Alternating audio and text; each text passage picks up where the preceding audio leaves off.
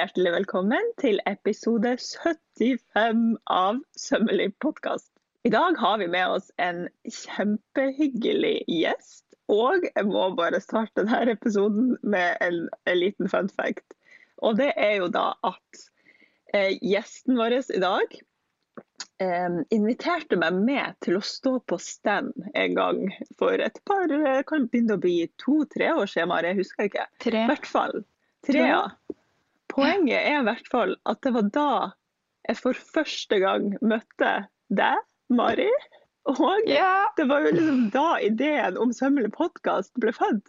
Så egentlig så kan vi takke dagens gjest, Ingvild Kerob fra Repairable, for at podden i det hele tatt eksisterer. Velkommen skal du være, Ingvild. Ja, det var utrolig festlig å høre. Ja, du visste ikke det, du. Nei, men jeg hadde tenkt å takke deg, Tanja. Fordi Ja. eh, hvis ikke du hadde gjort en så bra jobb den januarmåneden der du reparerte for oss på CC Vest, så Ja. hadde ikke vi hatt verksted på CC Vest i dag. Ikke sant. Det er moro. Ja. Det er veldig bra. Ja, så her er det altså her, Vi går jo et stykke, et lite stykke tilbake med gjesten vår i dag. Men for de som ikke kjenner deg, Ingvild, kan ikke du sånn kort og godt eh, fortelle om deg sjøl, først og fremst? Jo. Um, jeg er da fra Sunnmøre. Utdanna siviløkonom i Bergen. uh, men har vokst opp i en familie med eh, ganske mange generasjoner innen tekstil. Eh, så jeg har vokst opp i en dyne- og putefabrikk. Og vært masse i produksjon der, og med industrimaskiner og store maskiner. Og ja. Så veldig glad i, um, i materialestoff, eh, rett og slett. Syns det er veldig kjekt å jobbe med. Eh, og det var liksom eh, i, i gamle dager. Og nå så bor jeg da på Lilleaker i Oslo. Eh, tre barn. Åtte høner og en katt. Og en mann. um, og, og to bedrifter, faktisk. Ja, så gøy. Og i dag har vi da invitert deg inn til podden pga. at du har starta og driver denne bedriften Repairable, som vi jo heier veldig på begge to, både meg og Mari fra sidelinja. Fordi det ligger liksom ja, veldig nært eh, til vår filosofi og dette her med reparasjon og tekstil. Og jeg tror også veldig mange av lytterne våre syns at det her kan eh, være en inspirerende ting å få høre litt mer om. Ja, så hvordan kom egentlig Repairable til, lurer jo vi på da. Altså Den egentlige tilkomsten, det, den vet jeg ikke om jeg vet, men jeg vet i alle fall um, et, en alternativ forklaring, da. Sånn i etterpåklokskapen. Um, fordi uh, som sagt så har jeg jo med meg en god del tekstilbakgrunn um, og kjærlighet til materialet. Um, men jeg var jo aldri spesielt flink til å sy. Uh, jeg er altfor utålmodig til det. Men så jo, også jobba jeg i flere år i matvarebransjen, og etter hvert også innen bærekraft. Og jobber bl.a. i Nespresso med å implementere et system for å ta tilbake Nespresso-kapsler. Og um, på en måte ta inn disse ressursene da, som er havna på avveie. Mm. Aluminium og kaffegrut. Og så uh, var det på en måte mitt ansvar å etablere et system for det i Norden, da, for Nespresso. Så, så det var jo et slags take-back eh, take back loop, da, der kapslene skulle tilbake igjen. Um, og uh, det var vel det prosjektet som inspirerte meg til å se på mulighetene innenfor det materialet som jeg anså på mitt favorittmateriale. da. Um, dette med klær og sko. Og til mer jeg leste om tekstilindustrien, til mer umulig ble det å ikke prøve å gjøre noe. Mm. Uh, så, så sånn starta det. Og så starta jeg med å prøve å finne hvor, hvordan kan tjenesten reparasjon komme nærmere forbrukeren. Hvordan kan den bli mer tilgjengelig? eh, mer gjennomsiktig og lettere å anvende. Eh, jeg hadde legg merke til at jeg ikke snakka om at det skal bli billigere. ja. Eh, hvordan kan vi på en måte gjøre denne tjenesten, gi denne tjenesten et løft? da? Ja. Ja. Så vi starta i, jeg starta i barnehager. For jeg tenker at ok, Det må jo være dritenkelt å få henta og levert klær til reparasjon i barnehager. Og der er jo alle de foreldra som overhodet ikke har tid til å gjøre sånne ting sjøl. Um, men fant, jeg fant fort ut at det ville aldri, eller ikke på mange lysår, klare en sånn økonomisk bærekraftighet. da. Um, bare gjennom at logistikken er kompleks, logistikken er dyr, uh, håndteringa inn i barnehagen er kaotisk. Um, så ikke sant, etter hvert uh, så kobler jeg på merkevarene og bransjen. da, For tekstilbransjen har jo en egen interesse i å ta grep uh, rundt dette med bærekraft. Fordi at nå spesielt så er jo den perioden der man kan bare snakke om bærekraft, den er over, på en måte. Mm. Nå må man virkelig tilby bærekraftige tjenester og løsninger til mm. forbrukeren. Ja. ja. Så akkurat i pratende stund nå, hvordan fungerer Repairable per dags dato til de som aldri har hørt om det her? Jo, uh, Repairable har på en måte hatt en liten celledeling. Um, fordi det består av to selskap. Det ene selskapet det er et nå teknologiselskap som mm. jobber med å bruke teknologi for å få, for å få til en møteplass, en slags møteplass for reparatører, forbrukere og merkevare.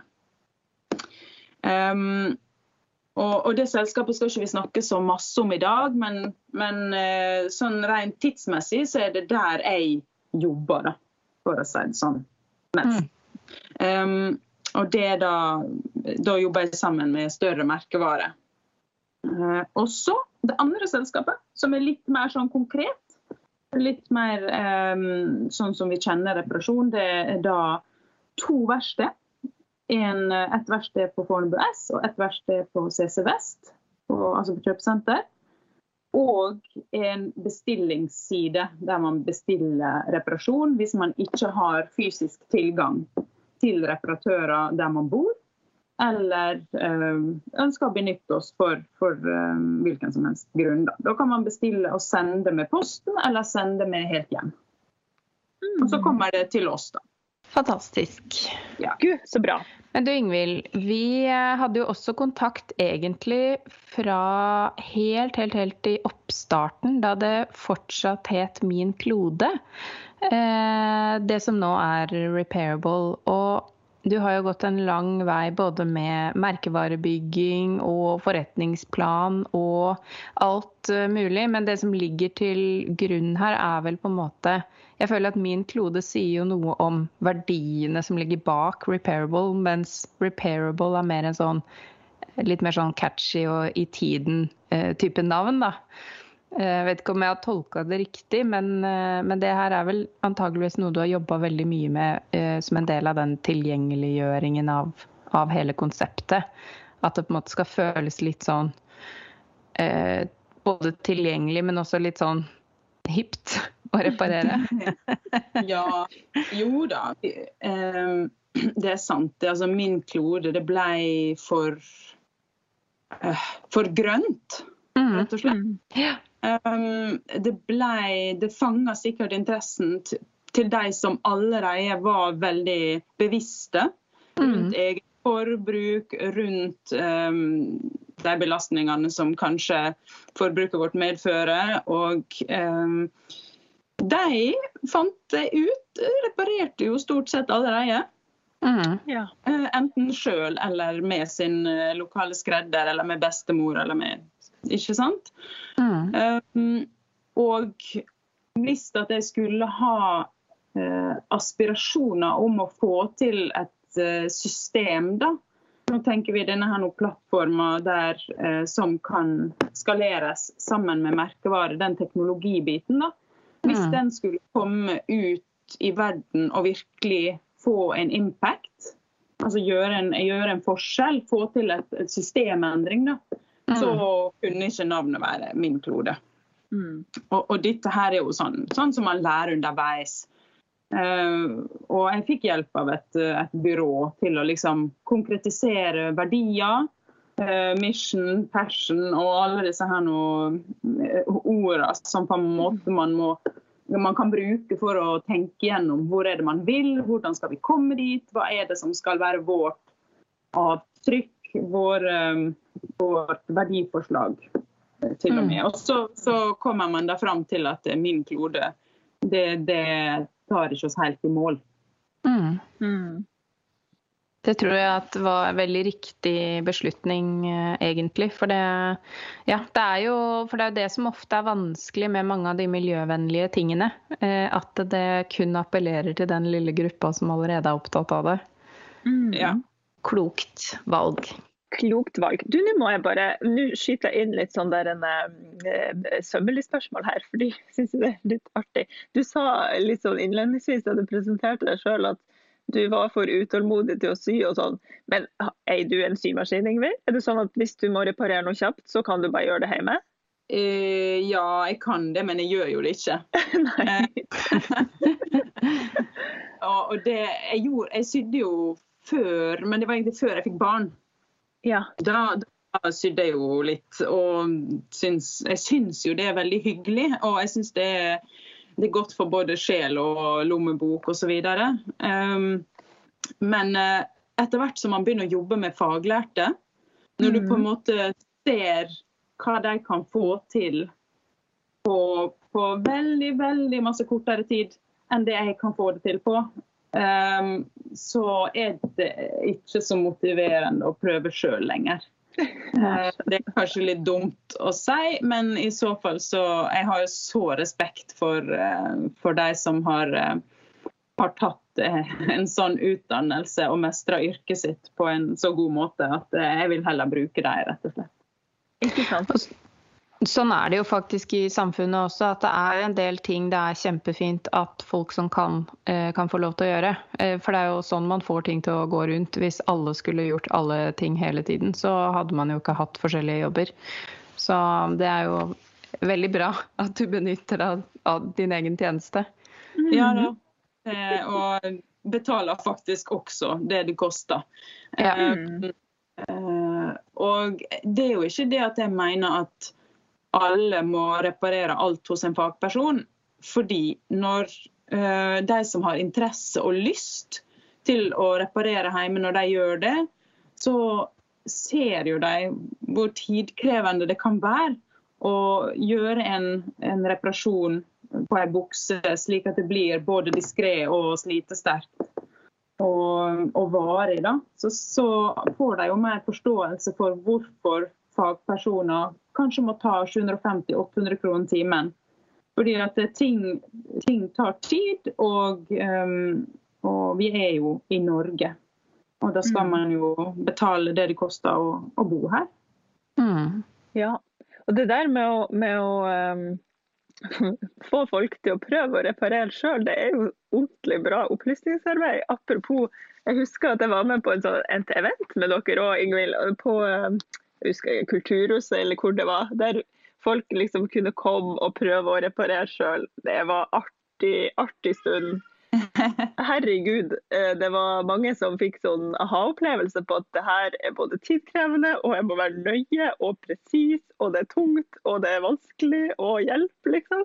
Da følte jeg vi gjorde, ja. da følte jeg liksom vi bidro til at å ja, la folk forstå hvor vanskelig Eller sånn at det er et krevende stykke arbeid, og at eh, det er gunstig å få noen til å gjøre det ordentlig, og da også kunne betale for det. Mm.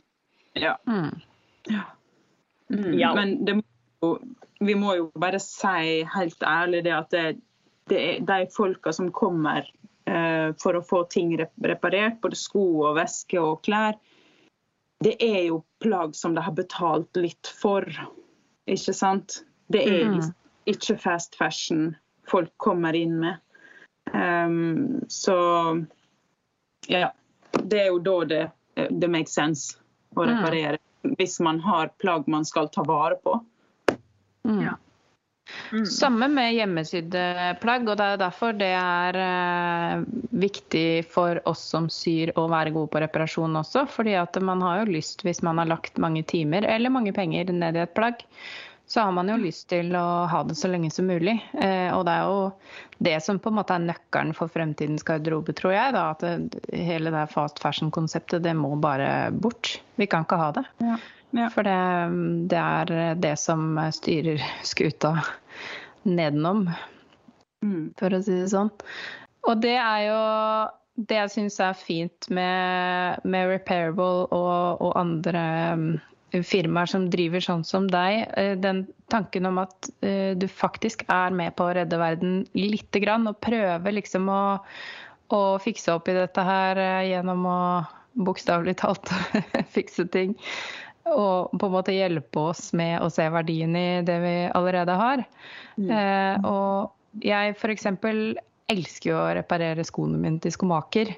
Eh, for det er sånn Det er jo virkelig et yrke som eh, man, Det skjønner man jo at det får man jo ikke gjort sjøl. Eh, og jeg har sånn at jeg bare har lov til å kjøpe ett skopar i året. Og da er jeg jo absolutt nødt til å levere de andre skoene til skomaker hvis jeg, hvis jeg allerede har kjøpt skoparet mitt det året, da, for å si det sånn. Ja. Og jeg føler jeg får nye sko igjen når jeg får dem tilbake fra skomakeren. Det er jo en, eh, en gave å, å få lov til å ha tilgang på en god skomaker, f.eks. Og jeg vet det er veldig mange som syns det er skummelt å, å gi fra seg noe som man Altså sånn som sko, da. Føles litt sånn der å nei, tenk hvis, tenk hvis det blir stygt. Men der har jo dere en tjeneste hvor dere man på en måte vet litt sånn hvem som sitter der, og man kan eh, få litt eh, kontakt kanskje, og vite litt mer hva man går til på forhånd. Dere har vel litt sånn dokumentasjon på hva dere gjør og Ja, vi har sikkert ikke nok dokumentasjon. Og det er jo en av de tingene som, som vi, jeg ikke har klart å prioritere. Det er å ha flere bilder. På nett. Mm. Hvis du tenker nettsider, da. eh, Å ha flere bilder om ulike reparasjoner som vi har gjort før og etter bildet. Vi har litt på, på sosiale medier, men ikke nok på nettsida. Og um, det burde vi hatt, uh, men det har ikke vi. Um, men uh, når, når det kommer til disse her skomakerverkstedene, så ser vi jo det at det, folk setter veldig stor pris på den én-til-én, eller face to face, da. Mm. Dialogen. At man får lov å ta den praten med en person som kan sitt fag. Um, og få liksom høre hva er det som er mulig her. Hvilke farger har vi tilgjengelig? Hva er kompromiss hvis vi skal gjøre det sånn eller sånn? Um, altså, det er eh, Det er fortsatt den foretrukne måten både for reparatør og for kunde å møtes på. Det er ansikt til ansikt. Så um, vi, den digitale biten, da, det er et, et substitutt mm. substitutt som, som også har sine kunder. Eh, Mm.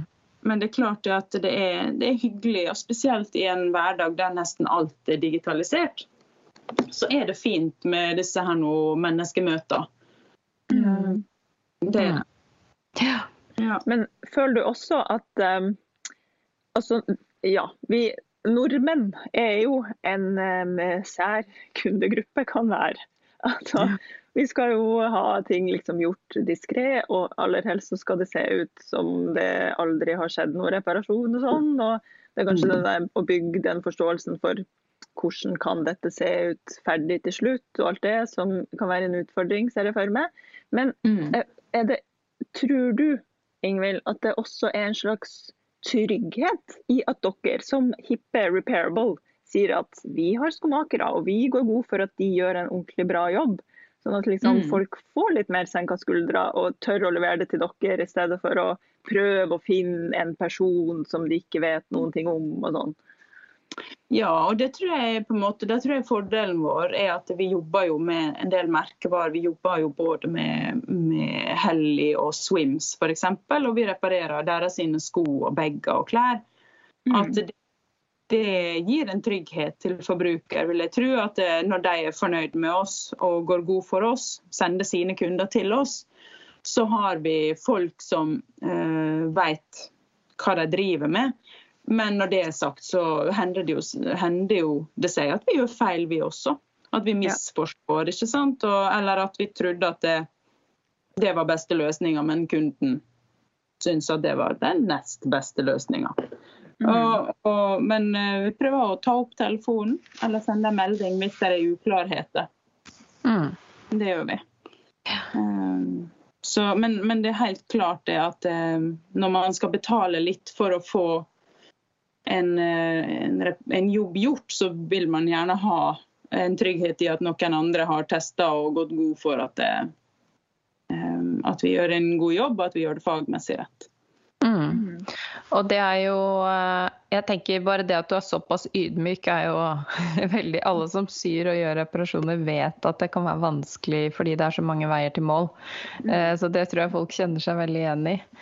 Eh, men vi lurer jo også veldig på hva er det typisk folk leverer til reparasjon? Er det liksom noen ting som går igjen, eller kan det være sånn hva som helst og ingen, ingen reparasjoner er like, på en måte? Uh, ja, altså alt er jo litt ulikt, for det er ulike stoff. ikke sant? Så er Det ulike typer Det er jo en del hull på jeans mellom låra, en såkalt mm. pub rub. Mm. Um, og, eh, og, det er jo en sånn fin reparasjon. Vi er veldig glad for de reparasjonene, fordi, spesielt fordi at eh, jeans er så ressurskrevende å produsere. At mm. det virkelig liksom er verdt å ta godt vare på. Um, og I tillegg så er jo det en del glidelåser. Og det er jo ingen som liker å bytte glidelås. Det er jo en dumt. Uh, ja. men, men, det er viktig at det blir gjort allikevel. Um, fordi at det er jakke. Det er jo også ofte sånn vanntette jakker, Gore-Tex og sånn veldig sånn kjemiske Brukt en del kjemikalier i produksjonen og vanskelig å resirkulere, og derfor viktig å ta vare på og bruke mm. lenge. Um, så ja. Ellers mm. så er jo det flikk. Og da får jeg jo bruke anledningen til å anbefale folk å heller ta en flikk litt før enn etter. fordi hvis man begynner å slite på selve hælen, så blir jo det betraktelig dyrere å, å bygge opp hælen og så flikke i tillegg enn bare en flikk. Altså bare bytte det gummibelegget på hælen. Mm. Det der er kanskje en av de tingene jeg har gjort mest opp igjennom. De der sånn ja, sko-hæl-flikk. Ja. ja. Det er jeg fullstendig enig i. Har, har, opplevd å være tidlig ute og sent ute. Det er stor forskjell. Mm. Men jeg syns det er veldig spennende det du sier om eh, kjemikaliebruk i tekniske plagg. Og, for det tror jeg veldig mange ikke tenker over. At det er eh, vanskelig å resirkulere de plaggene. For det er jo også en sånn ting som ofte kan være veldig sånn trendbasert. Det er gjerne litt sånn crazy farger på det tekniske tøyet. Nå er det jo blitt Det har jo skjedd veldig mye på den fronten, da, men uh, hvis man ser på vintage-markedet f.eks., så er det jo veldig sånn mye typete teknisk utstyr. Mm. Fra diverse regnjakker og Ja, det er noe med å la det leve så lenge det kan. Ja dette her med Det er jo ikke bestandig så lett å skifte glidelåsen på den ja, eller Hansen-jakka eller hva enn, som er sånn, bare sånn limt sømløst fast, hvis dere skjønner hva jeg mener. Det tror mm. jeg selv den mest ihugga hobbysyer kan klø seg i hodet over. Det er godt å vite at man kan faktisk gjøre det hos fagfolk. Ja. ja da, og det er en av de tingene på en måte jeg håper skal bli litt mer utbredt eh, blant skreddere og blant vanlige systuer også, at de kan um, kjøpe seg det utstyret, det materialet, og tilegne seg den kompetansen på å gjøre, ditt, gjøre Gore-Tex-reparasjoner vanntett også. Fordi det er veldig dumt å avvise slike reparasjoner. Mm. Som, som, vi virkelig trenger. Men det er ikke så mange som kan. Um, og det er ikke så mange reparatører som gjør det, men, men vi gjør det i alle fall. Mm. Det er en oppfordring til syfolk eh, der ute. Da. Vi vet jo at det er mange som er skikkelig skikkelig gode på teknisk eh, tøy. Eh, vi har jo mm. nevnt flere opp igjennom i podkasten her. Og eh, da er det kanskje marked for litt kursing der, da. For ja. alle de som faktisk kan det. Mm. Mm. Gøy. Mm. Altså, det jeg også syns er veldig fint med eh, Mary Parable, når jeg har eh, drevet og liksom kosa meg rundt og sneket rundt på nettsidene deres, Ingvild, det er jo det der at man ser at det er en sånn helhetlig grunntanke som står bak, som er det at man må liksom ha respekt for klærne sine og eh, ikke bare reparere, men også bare det å vedlikeholde det riktig, sånn at det får en lang levetid. Jeg snubler over dere har en sånn kjempefin ressursside for vedlikehold eh, av plagg. Og da liksom basert på tekstiltyper og materialer og hvordan man eh, skal oppbevare det og ikke skal oppbevare det og vaske og sånn. Så det måtte jeg bare tipse folket der ute som hører på om. Klikk dere inn på repairable.no for der er det altså mye gode ressurser på hvordan du skal ta vare på silkeblusa di som du nettopp har fått ut av symaskina. Ja. ja da. Det ultimate målet er jo at eh, plaggene skal vare lenger. At vi må mm. doble levetida på det vi allerede har. Og den beste måten å gjøre det på, um, ifølge de forskningsrapportene som jeg har lest, da, uh, er jo at den eieren som kjøpte det nytt, altså første eier, beholder plagget lengst mulig. Eh, ja. Så det betyr jo ikke nødvendigvis å kjøpe brukt, um, men, men, at første eier forlenger levetida eh, og bruker plagget opp. Så, så, da vil jo det med stell og det med vask og sånn eh, spille også en, en stor del av hvor langt kan, hvor lang eh, levetid plagget skal få. Det spiller en, en stor del. Mm. Så det er forskning som sier at altså den første som har plagget, burde holde ja. så lenge som mulig? Ja. Dette var gøy, dette var nytt, dette må jeg huske på. Mm. Mm. Ja. ja. Og er, altså den, de her vedlikeholdstipsene det er skikkelig snacks for oss uh, syfolk så, og materialnerder. Uh, så det er sånn, nesten litt sånn ukas innspo fra Tanja og meg. Uh, ja. det, var, um, det, var, veldig fint å kunne ha. For det er jo noe med at ikke alle har masse materialbøker stående i hylla. Kanskje man bare akkurat trenger å vite Eh, kan silke ligge inni plast når det pakkes bort eller ikke, f.eks. Sånne små ting. Og det står det der. Mm. Mm. Veldig, veldig gøy. Jeg tenker at denne eh, lille episoden, eh, eller jeg håper at denne lille episoden kan være inspirerende for noen der ute. For vi har jo lyttere som både er hobbysyere, men vi har jo også noen som liksom har egen liten sybedrift, eller noen som kanskje er i utdanning og kunne tenkt seg å fortsette å jobbe innenfor eh, tekstilbransjen. Så du Ingvild, som er en sånn kruttdame som har starta denne bedriften, tror jeg kan være sjukt inspirerende for folket. Men kan du liksom si litt om Altså, eh, vi, du snakka litt om forretningsmodellen og sånn, men hvordan er det liksom mulig å drive en, en så mm. Hva skal man si, idealistisk bedrift? Altså, Går det rundt? Går det bra? ja, altså det, det, det går iallfall rett vei. Nå, nå, hvis vi bare snakker om disse to verkstedene, så ligger de jo på, i Fornebu og på Oslo vest. Mm. Jeg hadde nok ikke turt å åpne verken i sentrum eller på Grønland eller Oslo øst. Mm. Rett og slett fordi at det er veldig mange skreddere fra før som er billigere enn oss, av sannsynligvis eh, ulike årsaker. Um, og um, jeg tror at det er færre um, veldig kjøpesterke personer som har klær de har en intensjon om å ta vare på lenge. Så det, det er et ulikt marked. Og um, vi, det går jo rundt fordi at vi har dyktige fagpersoner med lite feil, og det går relativt raskt unna. Og at vi har et betalingsvillig publikum som kan betale det det koster på Oslo vest og i Bærum. Så det er den brutale sannhet. Mm, men det er jo egentlig ganske um, fint å høre. Altså sånn business er business, på en måte.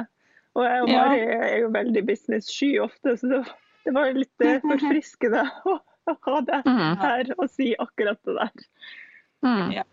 Ja. Og det hvis man faktisk klarer å bare se på det som sånn Er det et reparasjonsmarked her? Kan jeg reparere og levere kjapt og på en måte få det til å gå rundt uh, hvis jeg legger det på denne her måten? Ja, så kan man gjøre det. For det er jo noe med det at kundesøm gir ikke alltid veldig mye penger. Alle vi som syr vet det, at det er mye jobb og lite penger. Og eh, det kan jo være ganske motiverende for folk å se sånn Ja, men det, ja, jeg skal faktisk ta meg betalt, og jeg, jeg, gjør en god jobb, og da skal jeg ha betalt for det. Og jeg hjelper til med å redde verden lite grann. Ja, fordi det er jo disse balansen mellom denne people, planet, profit. Mm den, det er jo ikke noen veldig tydelig oppskrift på hvordan man får til det. Men eh, jeg personlig syns jeg er ikke spesielt motivert av det å skulle bli rik. Det er på en måte ikke det som driver meg, eh, men samtidig så må det jo være en avkastning på det man har investert, investert på maskiner, lokale husleier. ikke sant? Det må, det må henge sammen. Eh, men så er jo det dette med pipo, da. Fordi at Det som er så fint med reparasjon og søm, også det at det, det skaper arbeidsplasser. Og mm. det, det, er kjempegøy. Det er et det er veldig fint aspekt med, sånn, med den tjenesten her. at det, Veldig ofte så er det folk som har utfordringer med å finne jobb um, med den kompetansen de har, og bruke den kompetansen de har. Og eh, det er mange som, som er innvandrere eller som, som, har et annet morsmål enn norsk, som, som har god sømkompetanse. Det bare trenger litt veiledning på kundeservice eller på, eh, på det norske uttrykket. Da. Eller mm. hva, hva, er det som er diskré og solid i Norge, på vestkanten i Oslo, med et veldig kravstort publikum. Mm. mm. Ikke sant? Og, men at de kan virkelig få blomstre og få et bærekraftig levegrunnlag, det, det er skikkelig stas. Mm. Det er fantastisk. Um, altså, vi eh, tar av oss eh, hatten for deg. Vi er så Vi heier, og vi syns det er fantastiske. Uh, og jeg tenker at um, ja, alle vi som ønsker at uh, ting skal gå framover, og, og, at vi skal faktisk få en uh, levedyktig jordklode. Vi, eh, vi, må jobbe i samme retning. Så det er, eh, det er så bra.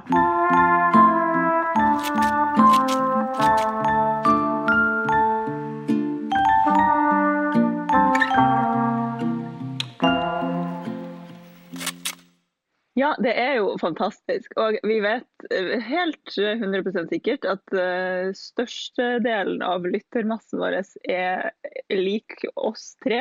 Veldig opptatt av både miljø og bærekraft, og um, reparasjon ligger nok veldig nært de fleste. Så da er det egentlig bare superkoselig å kunne prate litt om det og ha den tida her nå.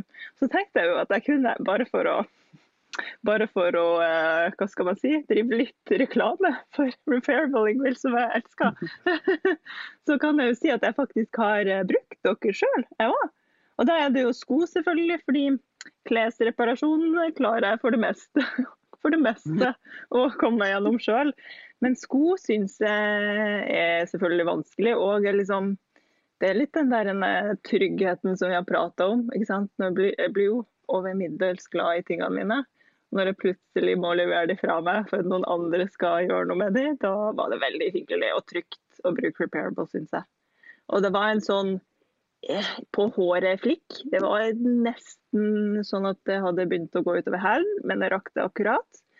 Og det var bare så smooth og fint. Og ja, som Mari sa, da jeg fikk det tilbake, så følte jeg liksom herregud, få meg nye sko. Det er gøy. Det er liksom artig å kunne ja, kunne gi noe man jeg hadde ikke klart å gjøre noe med de skoene, men å kunne gi de et så mye lengre liv, det var, føltes fantastisk. Det kjenner vi jo på når vi gjør det med klær, men det blir ikke helt det samme. Jeg føler det er liksom en annen følelse med sko. Og kanskje den følelsen alle andre har med klær, da. Ja, det kan jo veldig godt hende at det er bare fordi vi er litt blinde på det med klær. Ja. Men uh, sendte du det da med noen sånn sendetjeneste, eller uh, Du, oppsøkte var- du dem direkte? Ja, det her var jo litt um, i den um, oppstarts, eller oppstartsfasen. Det var jo en litt tidligere fase, da man fortsatt jeg bare trappa opp på Hennes og Maurits, husker jeg, Ingvild. Men jeg vet ikke om den muligheten fortsatt er der ute. Nei, den er ikke det. Um, vi, vi jobber ikke lenger med Hennes Maurits. Ikke sant? Ja, for da var det sånn drop-off-punkt, på en måte. Så jeg bare, det føltes jo veldig rart å gi mine gamle sko til hun som sto bak kassa på hennes. husker. Men, men det var en fin opplevelse, det. Ja. Ja. Mm. Ja, nei, men der er, der er jo ting man uh, lærer underveis, er mindre uh, Når man begynner på et veldig ideelt ståsted Ja. om at sånn kan det kanskje funke, men i møte med veldig store maskineri, da, med veldig mange personer involvert, og kompleks verdi eh, sånne eh, vareforsyningssystem, Ja. eh, så blir sånne små aktører som oss, vi drukner litt, vi forsvinner litt. Um, så, men, men så akkurat den, det prosjektet der, det gikk ikke videre. Men for all del, eh, det kan hende det kommer tilbake i en annen form eller fasong. Ikke sant? Gøy. Mm. Spennende. Du, eh, vi har jo noen faste spalter som vi tenkte å ta med deg. Og da tenkte vi å starte med å åpne skammens skuff. Fordi vi lurer litt på Har du masse sånne ting liggende som skulle vært gjort? Er det sånn som med skomakerens barn, at ting ikke er gjort eh, hos deg? Selv om du jobber med det? Ja, det er sånn Det, det aller mest Det aller dummeste, det er jo egentlig disse dynetrekka. Som Ja. der bare åpninga har åpna seg fullstendig. Og Ja. på en kommer ut av trekket nesten hver natt. Og at man hver morgen dytter dyna inn igjen. Og tenker at OK, nå må jeg ta Neste gang jeg skal skifte, så må jeg liksom ta denne eh, med for å reparere den. Men, men så detter det ut, da.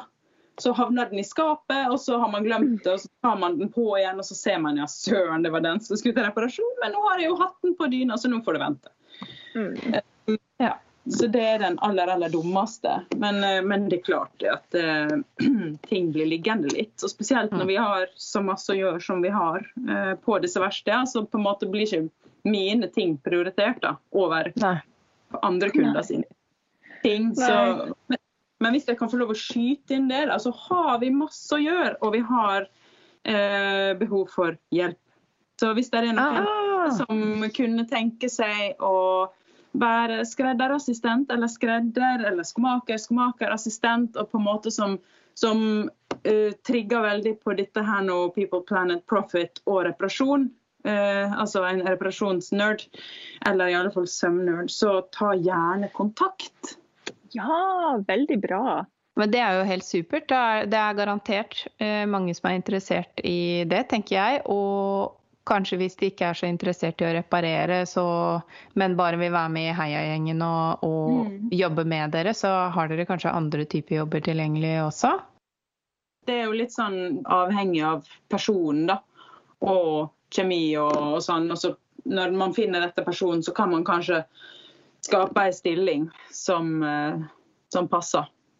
Jeg trenger også folk på en måte på sosiale medier. Jeg er jo helt Ja, ja, ja. Ja. katastrofe Mm. på, på liksom dette her noe ekstroverte.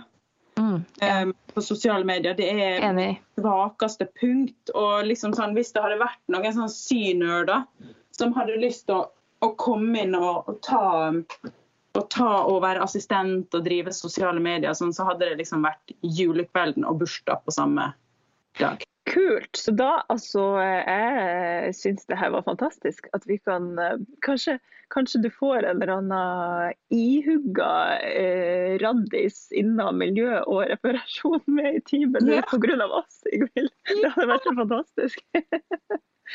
Men du, videre. Vi har et spalte til. Eh, Eller vi har to spalter til, men vi kan begynne med den første, som eh, er ukas feil. Har du en eller annen skikkelig saftig eh, feil å dele med lytterne våre?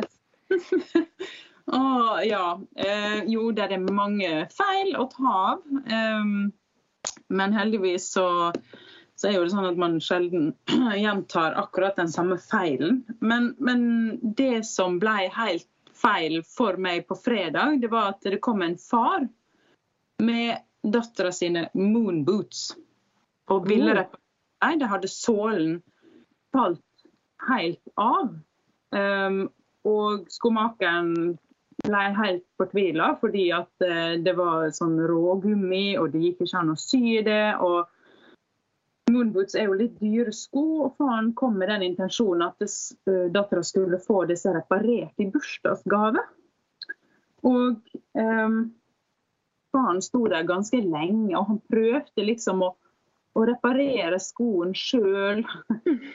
fordi at det, skomakeren var sånn at beklager, men disse tror jeg dessverre at vi ikke kan redde uten at det vil koste mer enn et par nye. Og mm. faren han ga seg liksom ikke. Han bare men se her, hvis vi gjør sånn. Prøvde, han hadde så lyst å få reparert disse skoene her nå. Han hadde så lyst at det skulle være gaver i morgen. Og det var liksom Eh, så feil å si og kviskre litt til skomakeren beklager, men nå må du bare gå og jobbe videre, for vi har så mye å gjøre.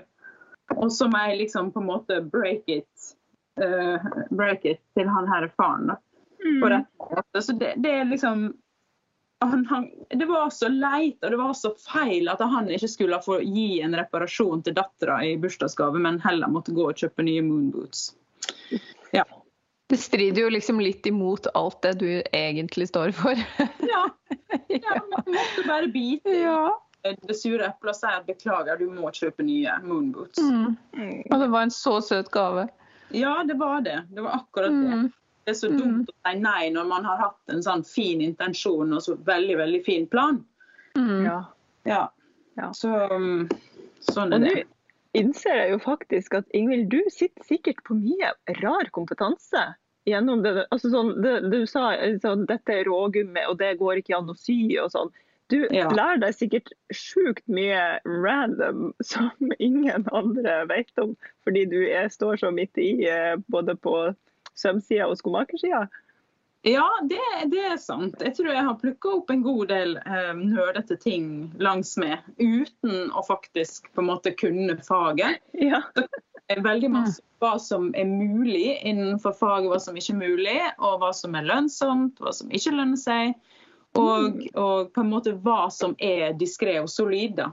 Som er på en måte vårt mantra. Ikke fordi at vi ikke syns at folk skal ha sånn visible mending, men fordi at det, vår profil handler om, om diskré og solid.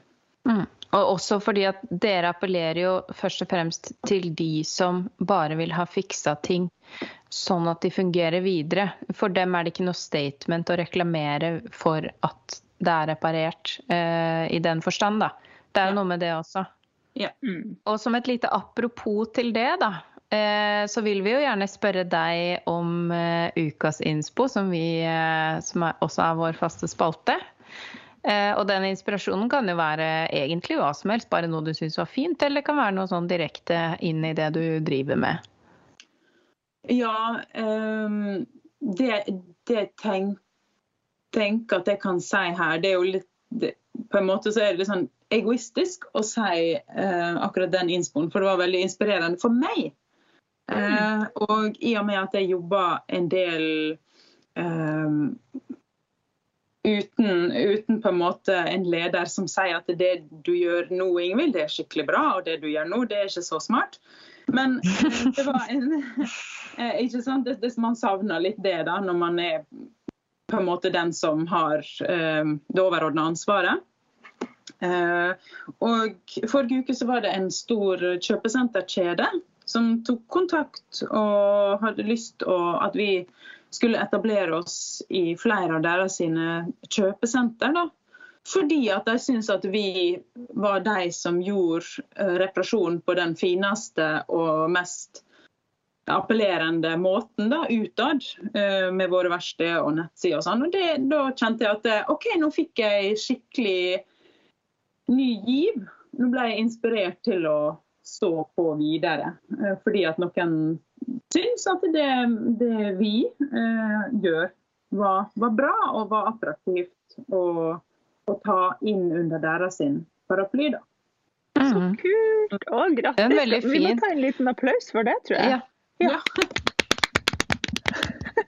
Det å få etablert eh, reparasjon som en del av en kjøpesenterkjede er jo helt fantastisk. Og også syns jeg at det du nevner er veldig fint, at man må huske på at inspirasjon også kan komme fra et sånn type sted. At det er sånn faktisk blir litt inspirert av at man har gjort en god jobb sjøl òg. Fordi det tror jeg ikke vi er så flinke til. Mm.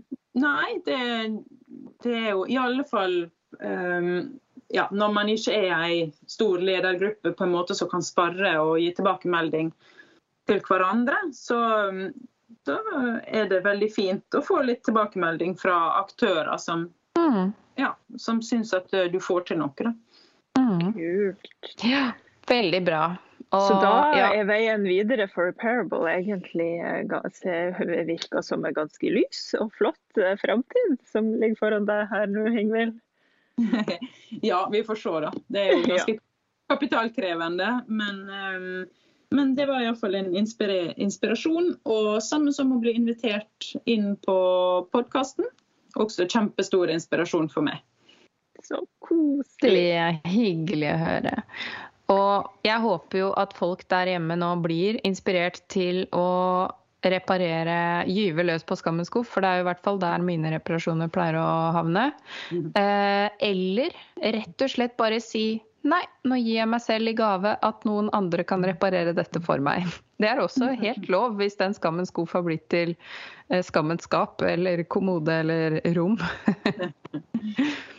Absolutt. Det viktigste er jo nok en gang det her med at vi tar vare på tingene våre og reparerer de og bruker de. Og Førsteeieren må holde på plagget sitt lengst mulig. Det tar jeg med meg fra denne Amen. Amen til det. Og vi heier på hverandre for en bedre klode. Hurra! Hurra!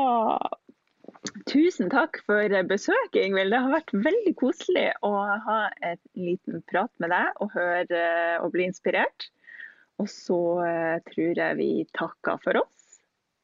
Ja, og så må vi jo si da bare avslutte eh, med fordi det, du er på Instagram, ikke sant, med Repairable.